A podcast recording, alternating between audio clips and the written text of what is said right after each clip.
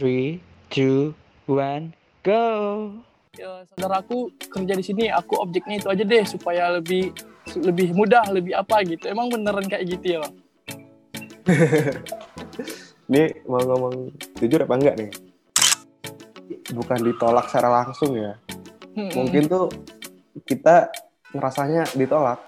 Halo semua, balik lagi nih di podcast CLBK, cerita lo buat KTTA. Yeay. Nah, di podcast kali ini kita bakalan ngobrol-ngobrol lagi nih tentang KTTA yang bakalan kita susun nantinya. Nah, di episode kali ini kalian bakal ditemanin sama aku, Kevin, dari tim KTTA Tiramisu 2020. Nah, tentu saja kita bakalan kedatangan uh, tamu spesial nih, guest star nih, salah satu alumni Akunisti tahun 2017. Siapa dia? Mari kita kenalan. Tak kenal maka tak sayang. Udah kenal, udah sayang, tapi pacar orang. Ini dia, Bang Farhan Siki. Ya, halo. Halo Bang, apa kabar Bang? Ya, alhamdulillah baik, masih nganggur. Uh, Oke, okay. kenalan yuk Bang. Oh, kenalan dulu nih. Ya udah, nama aku Ah, Farhan ya, Siti. kenalan dulu. Uh, Mm. Ya, yang tadi udah sebutin dari angkatan 17, habis itu aku juga bagian dari anggota panitia KTTA Tiramisu. Mm-mm. Sekarang lagi sibuk apa nih Bang? Eh, sebenarnya sih eh, lagi sibuk ini sih, lagi sibuk jadi tentor sih, tapi nggak tahu. Ya gitulah, nyari-nyari kegiatan selama menunggu penempatan kan ya lumayan agak lama sih. Ya Uh, uh, bisa mungkin harus produktif lah. hmm. Pengumuman penempatannya kapan nih katanya Bang? Waduh nggak tahu nih. Kata-katanya, katanya ya minggu Ah. depan. Kata warga-warga. Star Invest, tapi nggak tahu nih. Uh, Nah, Mudah-mudahan dapat Pokoknya, pokoknya no komen deh. Amin. Ya, Amin, amin. Ya, Bang. Mudah-mudahan dapat yang terbaik dah. amin. Ah, nama Bang kan Bang Farhan Sidki. Panggilannya siapa nih, Bang? Bang Farhan, Aduh. Bang Sidki Kalau- atau Bang Jago? Siap Bang Jago gitu. Enggak, enggak. Jadi sebenarnya ini ya, apa namanya, aku kalau sama teman-temanku biasa dipanggil Sidki. Karena Oke. memang dulu pas kelas 1 tuh ceritanya Farhan tuh ada tiga namanya. Oh, oh, oh. Dan duanya itu namanya Muhammad Farhan dua-duanya. Dan itu sama namanya, benar-benar Muhammad Farhan Iya. dua-duanya. Jadi yang satu dipanggil Far, yang satu yang satu dipanggil Han, yang satu lagi aku dipanggil Sidki gitu. Ki- Jadi aku biasa dipanggil Sidki. Tapi kalau misalkan Bang. kamu manggil Farhan juga nggak apa-apa, santai aja. Oke, Bang. San Satya. Kalau Ya. Bang Jago gimana Bang tadi, Bang? Oh, bo- boleh banget deh, nggak apa-apa deh. Oh, Bang Jago gitu. Oke.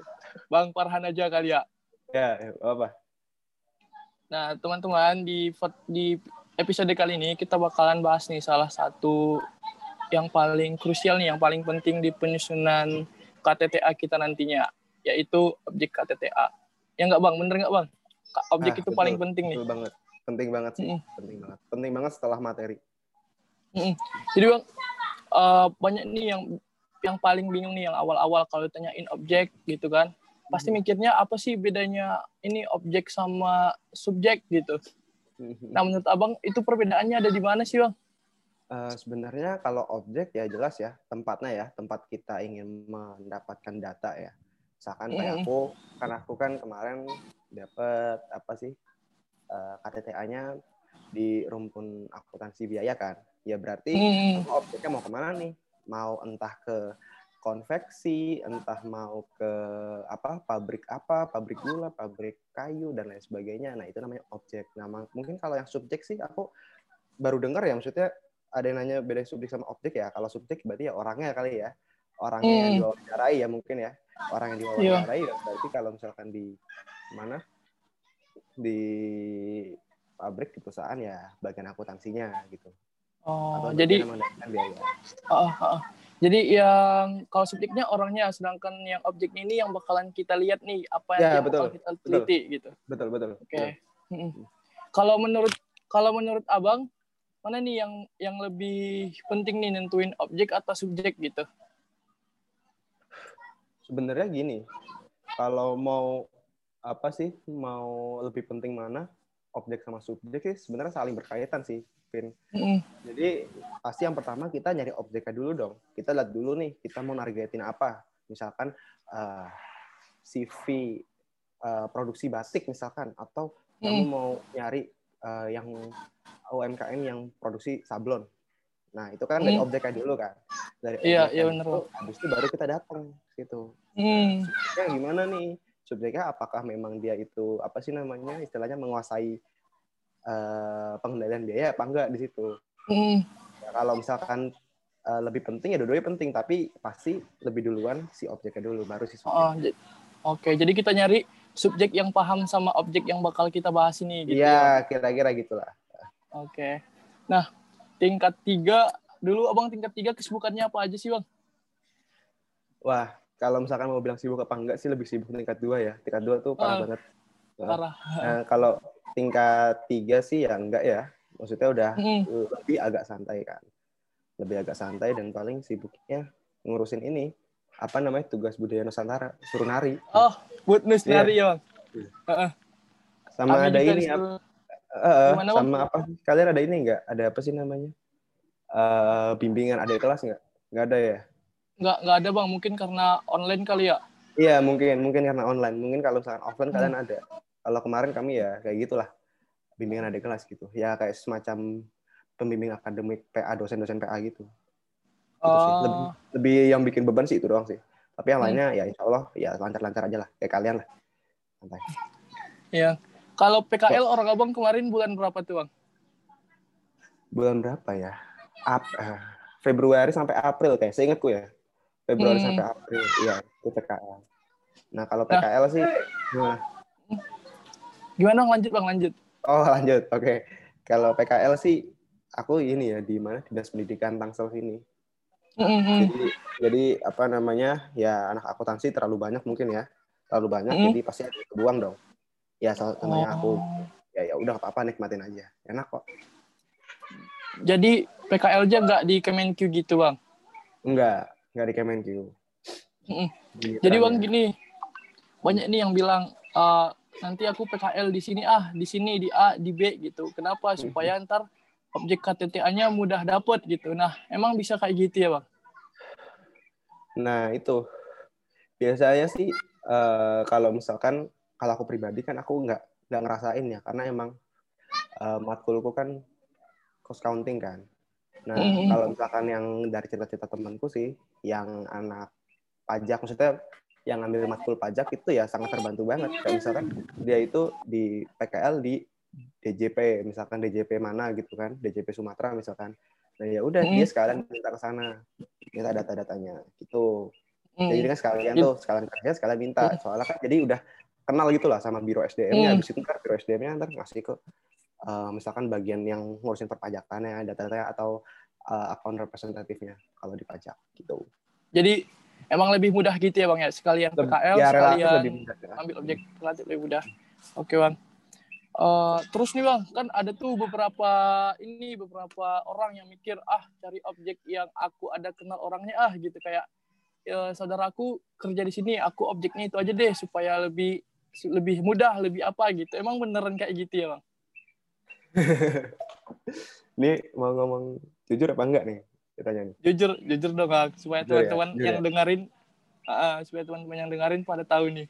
Emang emang benar kayak gitu gitu. Ya, ini menurut pengalamanku sendiri ya. Pengalamanku Hmm. sendiri, jadi tuh aku nyoba dua kan. Ya, satunya orang dalam, satunya aku nyari sendiri. Jadi emang Hmm. pada ceritanya itu, aku kan awalnya nanya omku kan. Omku emang kebetulan lulusan akuntansi juga di UMJ. Dan dia udah ngurusin banyak lah, maksudnya jadi sam- apa kerja-kerja jadi penyusun laporan keuangan. Dan dia juga dulu Hmm. banyak kenalannya di bidang konveksi. Ya udah dong. Akhirnya ya udah aku milih konveksi aja gitu kan.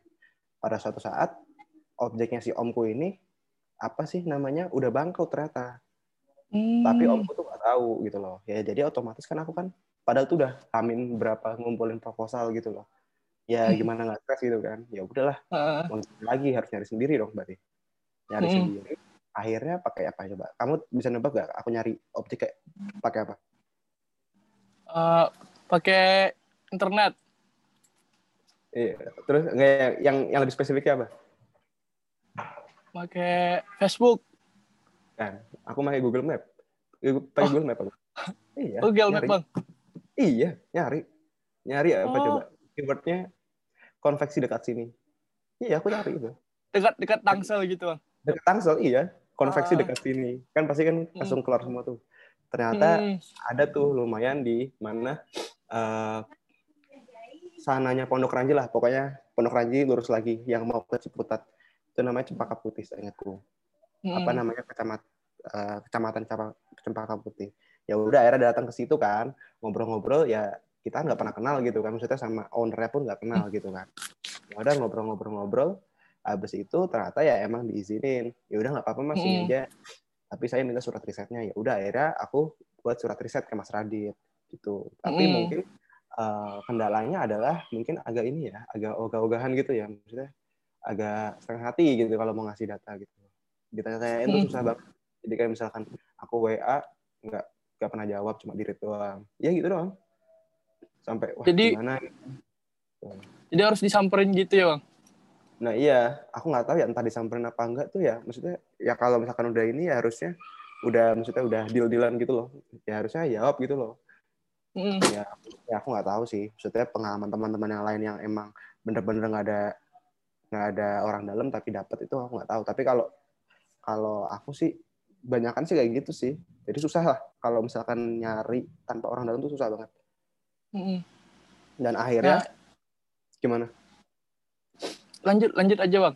gitu aja ya dan Hmm. akhirnya eh, aku tuh udah nggak memutuskan untuk nggak di sana lagi gitu loh soalnya emang Hmm. datanya tuh kurang banget kurang banget dan kurang terbuka lah menurutku lah susah ini ya kayak cuma ditanya-tanyain tuh ya apa ya ditanya-tanyain sesuatu tuh kayak jawabnya ya seperlunya banget gitu loh Heeh. bukan seperlunya Yang- sih kayak ya bener-bener kurang banget lah jawabnya lah apa Nggak yang kita tanya udah gitu doang gitu sebatas Iya, itu aja gitu. Kayak misalkan gini nih aku tanya ke kamu nih bang ini pakai berapa bang kaosnya ya paling Hmm. paling segini paling segini itu doang maksudnya kayak ya, ya, Sedangkan- kayak sedangkan kita kan butuh yang lengkap banget apalagi Ah, pas ah, gitu iya. biayanya harus Iya. banyak banget ya ya udah akhirnya nggak jadi di sana habis itu aku nanya omku lagi tuh nanya Hmm. omku lagi om ini ada kenalan lagi nggak om? Eh apa? Aku nanya kan. Om ada kenalan lagi nggak? Ada tuh UMKM kecil. Di mana om? Di Cempaka Putih. Jangan-jangan sama. Ternyata emang bener sama. Saya nggak? Iya. Heeh. habis itu nggak tahu jadi welcome mereka. Nggak tahu ya aneh banget.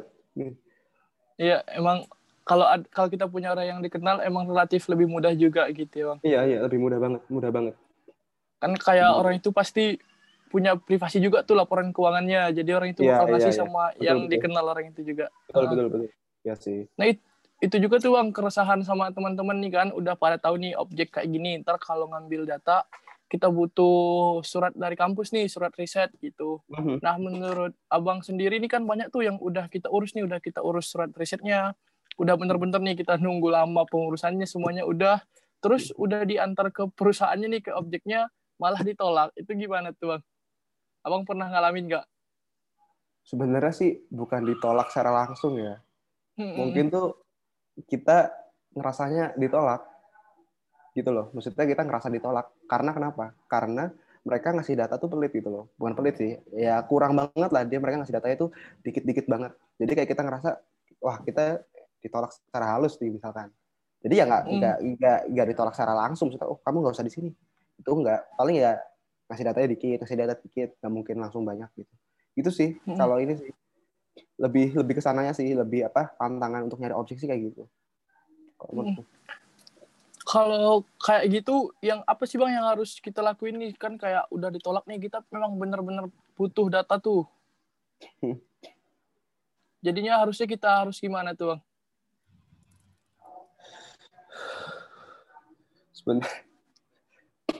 sebenarnya ini gimana ya? Gimana ya? Kadang-kadang ya kadang-kadang memang apalagi yang aku dengar dari Ihsan kan banyak tuh teman-teman yang mau ngambil mau ngambil cost counting tuh. Ya kan? Cost counting tuh ya kalau mau jujur-jujuran ya aku juga suka cost counting. Awal ya gitu kan. Tapi memang iya. Karena memang kalau misalkan kalian UTS UAS itu tuh udah given gitu loh. Maksudnya nilai angka-angkanya itu ya sudah diberikan semua gitu loh. Sedangkan kita pas KTTA itu kita nyari suruh nyari bersatu-satu kamu ngitung bawang satu ngitung bawang putih satu bombay satu habis hitung hitung kentang satu iya kayak gitu nah itu kan yang bener-bener kayak apa ya nggak eh, apa sih susah untuk diaplikasikan kan ke dunia nyata Hmm. kan. Nah, Hmm, benar benar. mungkin ya salah yang paling oke dan keluarnya ya gimana lagi kalau kita nggak bikin data kira-kira atau artifisial gitu. Oh, jadi kayak Iya. di di apa ya namanya ya, dikira-kirain aja gitu. Kira-kira aja berapa nembak berapa kayak gitu. Oh. Maksudnya ya paling pakai bawang lima lah gitu. Ya kayak gitu. Ya emang kenyataannya kayak Apalagi gitu. Maksudnya uh, Hmm. kita nggak bisa kita nggak bisa bener-bener data real yang kita peroleh dari uh, narasumber kita atau subjek kita. Subjek pun juga gak bakal perhatiin gitu loh. Wah kita pakai bawang berapa ya udah ambil aja satu genggam gitu loh. Gak mungkin kamu hitung lima gitu. Iya kan? Iya iya iya benar benar sih bang. Apalagi cost accounting kan banyak tuh yang ABC sistem gitu. Mana mungkin eh, ini UK, UMKM buat eh, sistem yang kayak gitu gitu ya kan. Ya itu uh, ABC system. Banyak sih Mm. kalau yang kalau itu udah jadi langganan banget tuh. ABC, ABC itu job order itu langganan itu. Langganan. Mm-mm. Padahal mah secara langsungnya belum tentu nerapin tuh Wah susah banget, susah banget ternyata. Ternyata susah banget. Ha. Padahal kalau kita materi mah ya gampang sih kalau dilihat-lihat sih. Tapi ternyata pas penerapannya susah. Malah Ya, mungkin nanti karena- ntar teman-teman teman-teman yang kos, Hmm. yang dapat kos itu tuh kalian milih coba milih ini deh, milih apa namanya eh, differential costing deh. Itu lebih gampang, lebih enak banget. Kamu inget gak, Van? Eh apa namanya, Vin? Differential Eh, costing.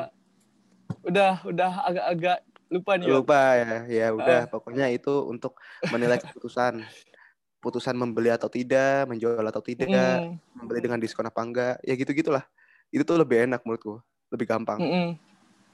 Oke. Karena lebih lebih ada realnya gitu ya bang sehari-hari Ya. iya, gitu di iya. UMKM-nya. Heeh, dan Dibandingin dan- yang ABC gitu. Mhm. Soalnya kayak UMKM itu paling yang pengurusnya itu kayak lebih berfokus kepada ini sih, kepada keputusan sih. Maksudnya, oh ya udah kalau aku mau beli ya beli aja. Kalau mau ngejual kayak gimana? Habis itu kalau misalkan kita nanya ini, bang kalau misalkan mau ngambil diskon biar tetap untung, kira-kira dapat berapa bang? Nah itu kan gampang tuh, pasti tahu dia. Mm. Kecuali kalau kamu nanya benangnya berapa bang dipakainya nggak ada yang tahu. Loh. Materialnya berapa, lebarnya berapa gitu. Nggak ada yang tahu, nggak ada yang tahu. Eh, iya sih Iya, bang. Nah, gitu. buat teman-teman pendengar CLBK nih, tips dari Bang Sidki nih buat kalian yang bakalan dapat matkul cost accounting. Jadi Ya. cari yang ada di sekitar kalian gitu, yang real-realnya aja supaya ntar buat penyusunan KTTA-nya bisa dimudahin deh gitu daripada kita cari yang susah-susah gitu. Nah ini deh bang, kan ada tuh katanya kalau udah dapat objek nih dapat objek, terus kita juga udah susun, tapi ini dosbingnya kayak nolak gitu, ini objeknya ganti atau ini objeknya kurang gitu.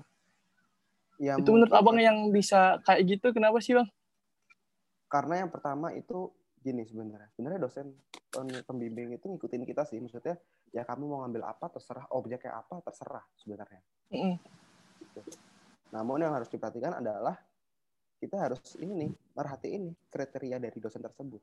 Misalkan aku kan dosen aku, aku kan dosen pembimbingku kan. Dosen pembimbingku tuh nggak mau maksudnya kayak nggak serak gitu loh. Kalau misalkan cost counting itu kita nyari yang perusahaan jasa atau dagang. Harus manufaktur. Hmm, harus manufaktur. ya Oke. itu dari situ dari situ aja kita udah tahu kriteria bapaknya kayak gimana. Oh ini Hmm. manufaktur. Oke berarti kita harus nyari konveksi atau nyari pabrik apa? Pabrik pabrik misalnya pabrik kursi. Abis itu misalkan apa lagi? Eh, pabrik gula dan lain sebagainya. Pokoknya gitulah. Jadi kayak misalkan kamu punya kenalan tukang kopi apa kafe-kafe gitu mungkin kurang sih ya itu sih Hmm, dari kriteria udah kelihatan gitu loh. Tapi kalau misalkan yang sepenglihatanku sih kalau yang dosen yang nggak ngasih kriteria ya udah oke it's fine aja. Lanjut hmm, aja. Asal datanya lengkap gitu. Oke. Jadi sebelum kita nyari objek, kita harus lihat dulu nih apa yang dosen Jadi pembimbing kita kriteria. mau. Iya. Ah, kriterianya. ah. Betul betul. Tapi kalau nggak ada kriteria, udah gas aja gitu. Ajar aja udah santai aja. Ah. Iya. Yang penting datanya lengkap, terus yang yang kita bahas juga bagus gitu, jangan yang itu itu aja. Kan ada tuh bang yang temanya mulai dari tahun-tahun itu itu aja yang baru. Iya, gitu. iya, Mungkin iya, bakalan, Ah, yang bakal Kalau buat dosen pembimbingnya, wah bagus nih buat dosen pembimbingnya mikir gitu. Mhm. Ya kalau Mm. cost counting yang biasa job order, habis itu CVP sama Hmm, di kalau akuntansi keuangan itu apa ya pendapatan kayak dia pengakuan pendapatan habis itu aset tetap habis itu apa lagi ya lupa aku pokoknya itu yang bener-bener sering banget dilihat Habis itu Yang kalau lang- misalkan Langganan Kalau- gitu jadinya. langganan langganan. ha. Kalau SIA itu apa ya? Siklus pendapatan tuh banyak banget tuh. Siklus pendapatan tuh Hmm. sering banget. Hmm. Ya itu sih. Nah, ntar Hmm. kalau misalkan nih teman-teman kan, ini kan banyak kan dapat yang kos kan. Maksudnya yang banyak kan milih kos kan. Nanti kalau misalkan teman-teman kebuang ke SIA atau ke AKU, nggak apa-apa. Kalau misalkan AKU nih, menurutku ya, menurutku. AKU tuh sebenarnya itu nggak terbatas sama perusahaan yang gede-gede aja loh, kayak PT, apalagi TBK. Kalian pasti mikirnya gitu kan.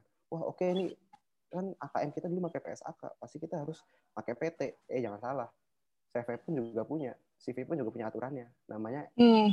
namanya S, eh, SAK etap entitas tanpa Oh. aturan utilitas publik.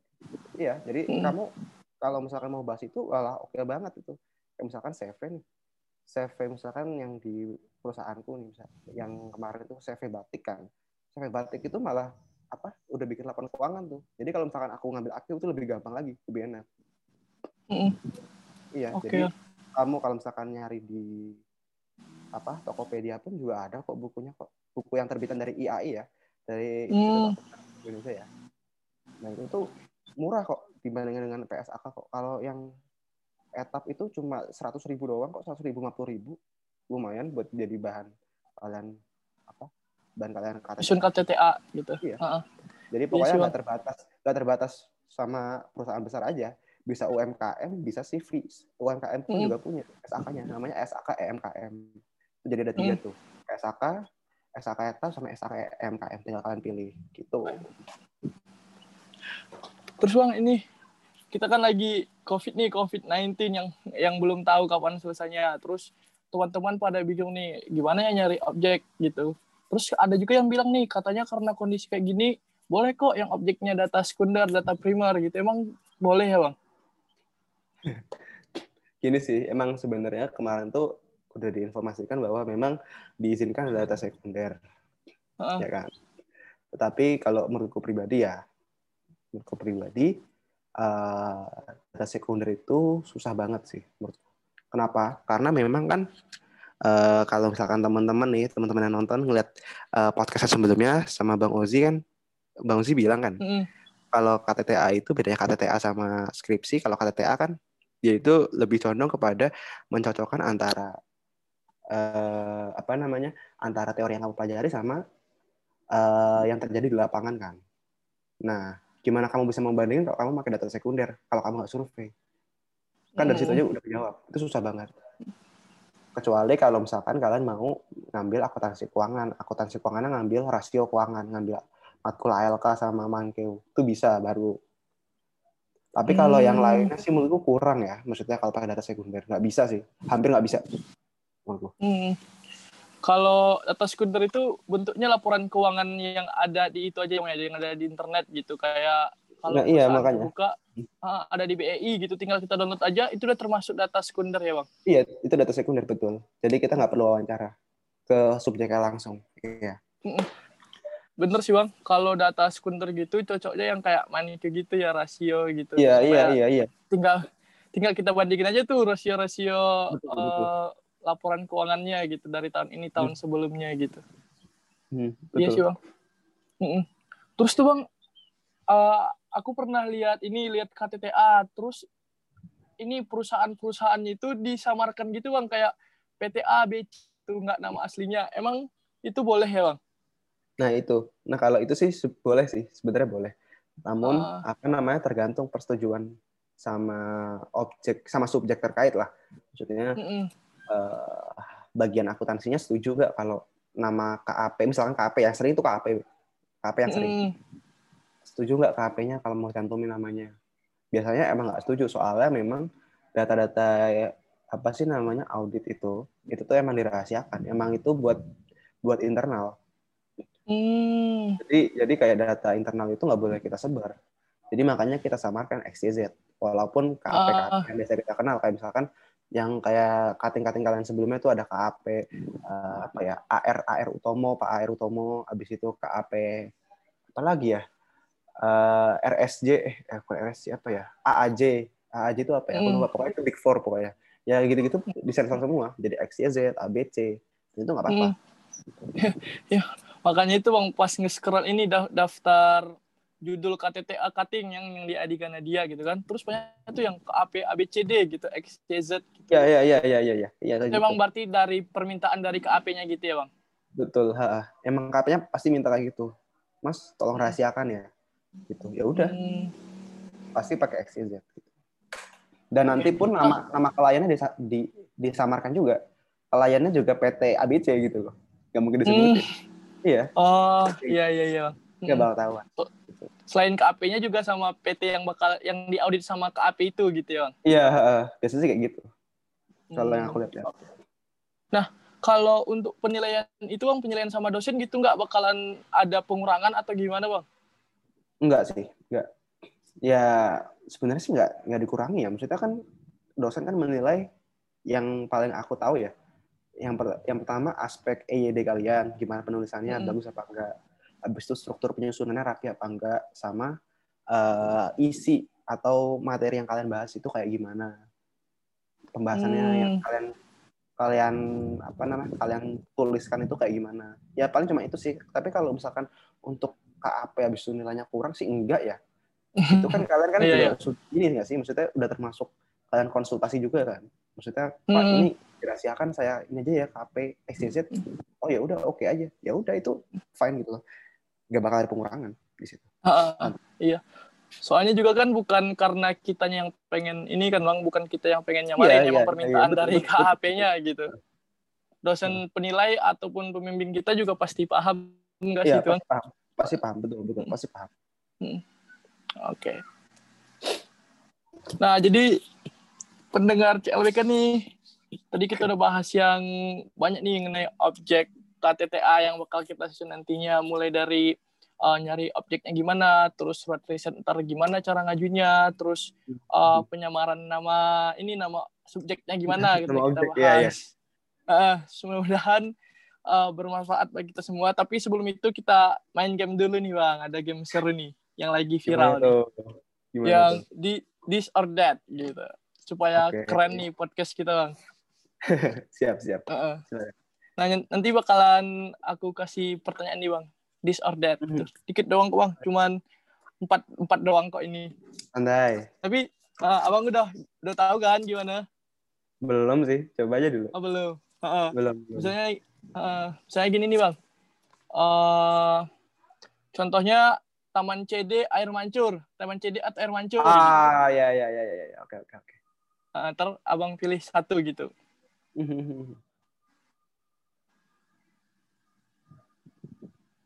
Oke, kita mulai aja kali ya bang. boleh boleh boleh Pertama nih, uh, PKL atau nyusun KTTA? misalnya ya Dosbing cuek atau objek cuek? terus big terus bing cuek Dosbing cuek ya bang. Iya. Oke, dapat tanda tangan dosen atau dapat objek KTTA? objek kata ya Objek KTTA. Kos atau audit? audit Audit. Oke. Iya. Tadi dia bang, kenapa sih bang milih nyusun KTTA dibanding PKL? nggak PKL nggak seru gabut Oh iya. gabut banget iya kalian tuh kalau PKL tuh gabut banget maksudnya kayak ya ya udah ya paling kamu disuruh ngapain gitu ya Hmm. mungkin mungkin itu gara-gara aku di dinas pendidikan ya mungkin kalau teman-teman yang lain di DJA atau di DJP dan lain sebagainya itu sibuk tapi kalau aku kerasa sendiri sih ya PKL ya biasa-biasa aja kayak nggak ada Hmm, seru-serunya gitu kayak ya udah Ah. masuk pulang masuk pulang gitu mending kuliah sih Mm-mm. mending apa aja nggak TTA bisa deg-degan gitu. Iya, lebih lebih eh, produktif gitu ya bang ya. ya produktif pusing gitu kan betul, betul. Eh, jadi buat teman-teman yang bakal nyusun KTTA semangat terus nih kayak Bang Sid gini. Lebih milih nyusun KTTA dibanding PKL loh. tapi tergantung ya kalau PKL kalian dapat yang diinginkan ya pasti kalian milih PKL gitu. tapi Mm. aku ya feelingku kalian bakal banyak yang dibuang sih soalnya kalian kan lebih banyak Iya sih bang. Kotanya Mm. eh kaminya banyak banyak parah Banyak sih bang banget, angkatan eh. kami. banyak banget Eh, malah sempat kemarin masih ada yang idol gitu loh maksudnya belum ditempatkan hmm. Oke. Yang Nah buat eh, nah buat pendengar CLBK. Kita udah tadi udah bahas mengenai objek KTTA juga, udah main game juga nih sama Bang Sidki. Heeh. Jadi makasih banyak nih Bang buat waktunya Ya, udah ngeluangin nih buat kita buat sharing-sharing ngobrol-ngobrol nih buat teman-teman semua gitu. Mudah-mudahan ntar yang kita sampein di podcast ini be- berguna nih buat teman-teman yang lain buat nyusun KTTA nantinya. Oke. Nah, teman-teman, untuk episode kali ini kita cukupin sampai sini aja. Uh, makasih banyak buat teman-teman yang udah dengerin. Dan juga jangan lupa buat terus pantengin Spotify dan YouTube-nya Brigada Setia. Kita bakalan datang lagi nih, kita bakalan keluarin lagi podcast-podcast yang temanya bakalan asik-asik dan menarik buat teman-teman yang bakal ngebudain teman-teman buat nyusun KTTA. Sampai jumpa di podcast CLBK selanjutnya. Dah. Yeay. Oke oke. San san. Muka aku keterangan nggak sih Chan? Tapi kalau kalau garing jangan diketawain ya bang ya. Yeay. Udah Chan, gitu Chan. Lanjut lanjut. Atau- Lanjut.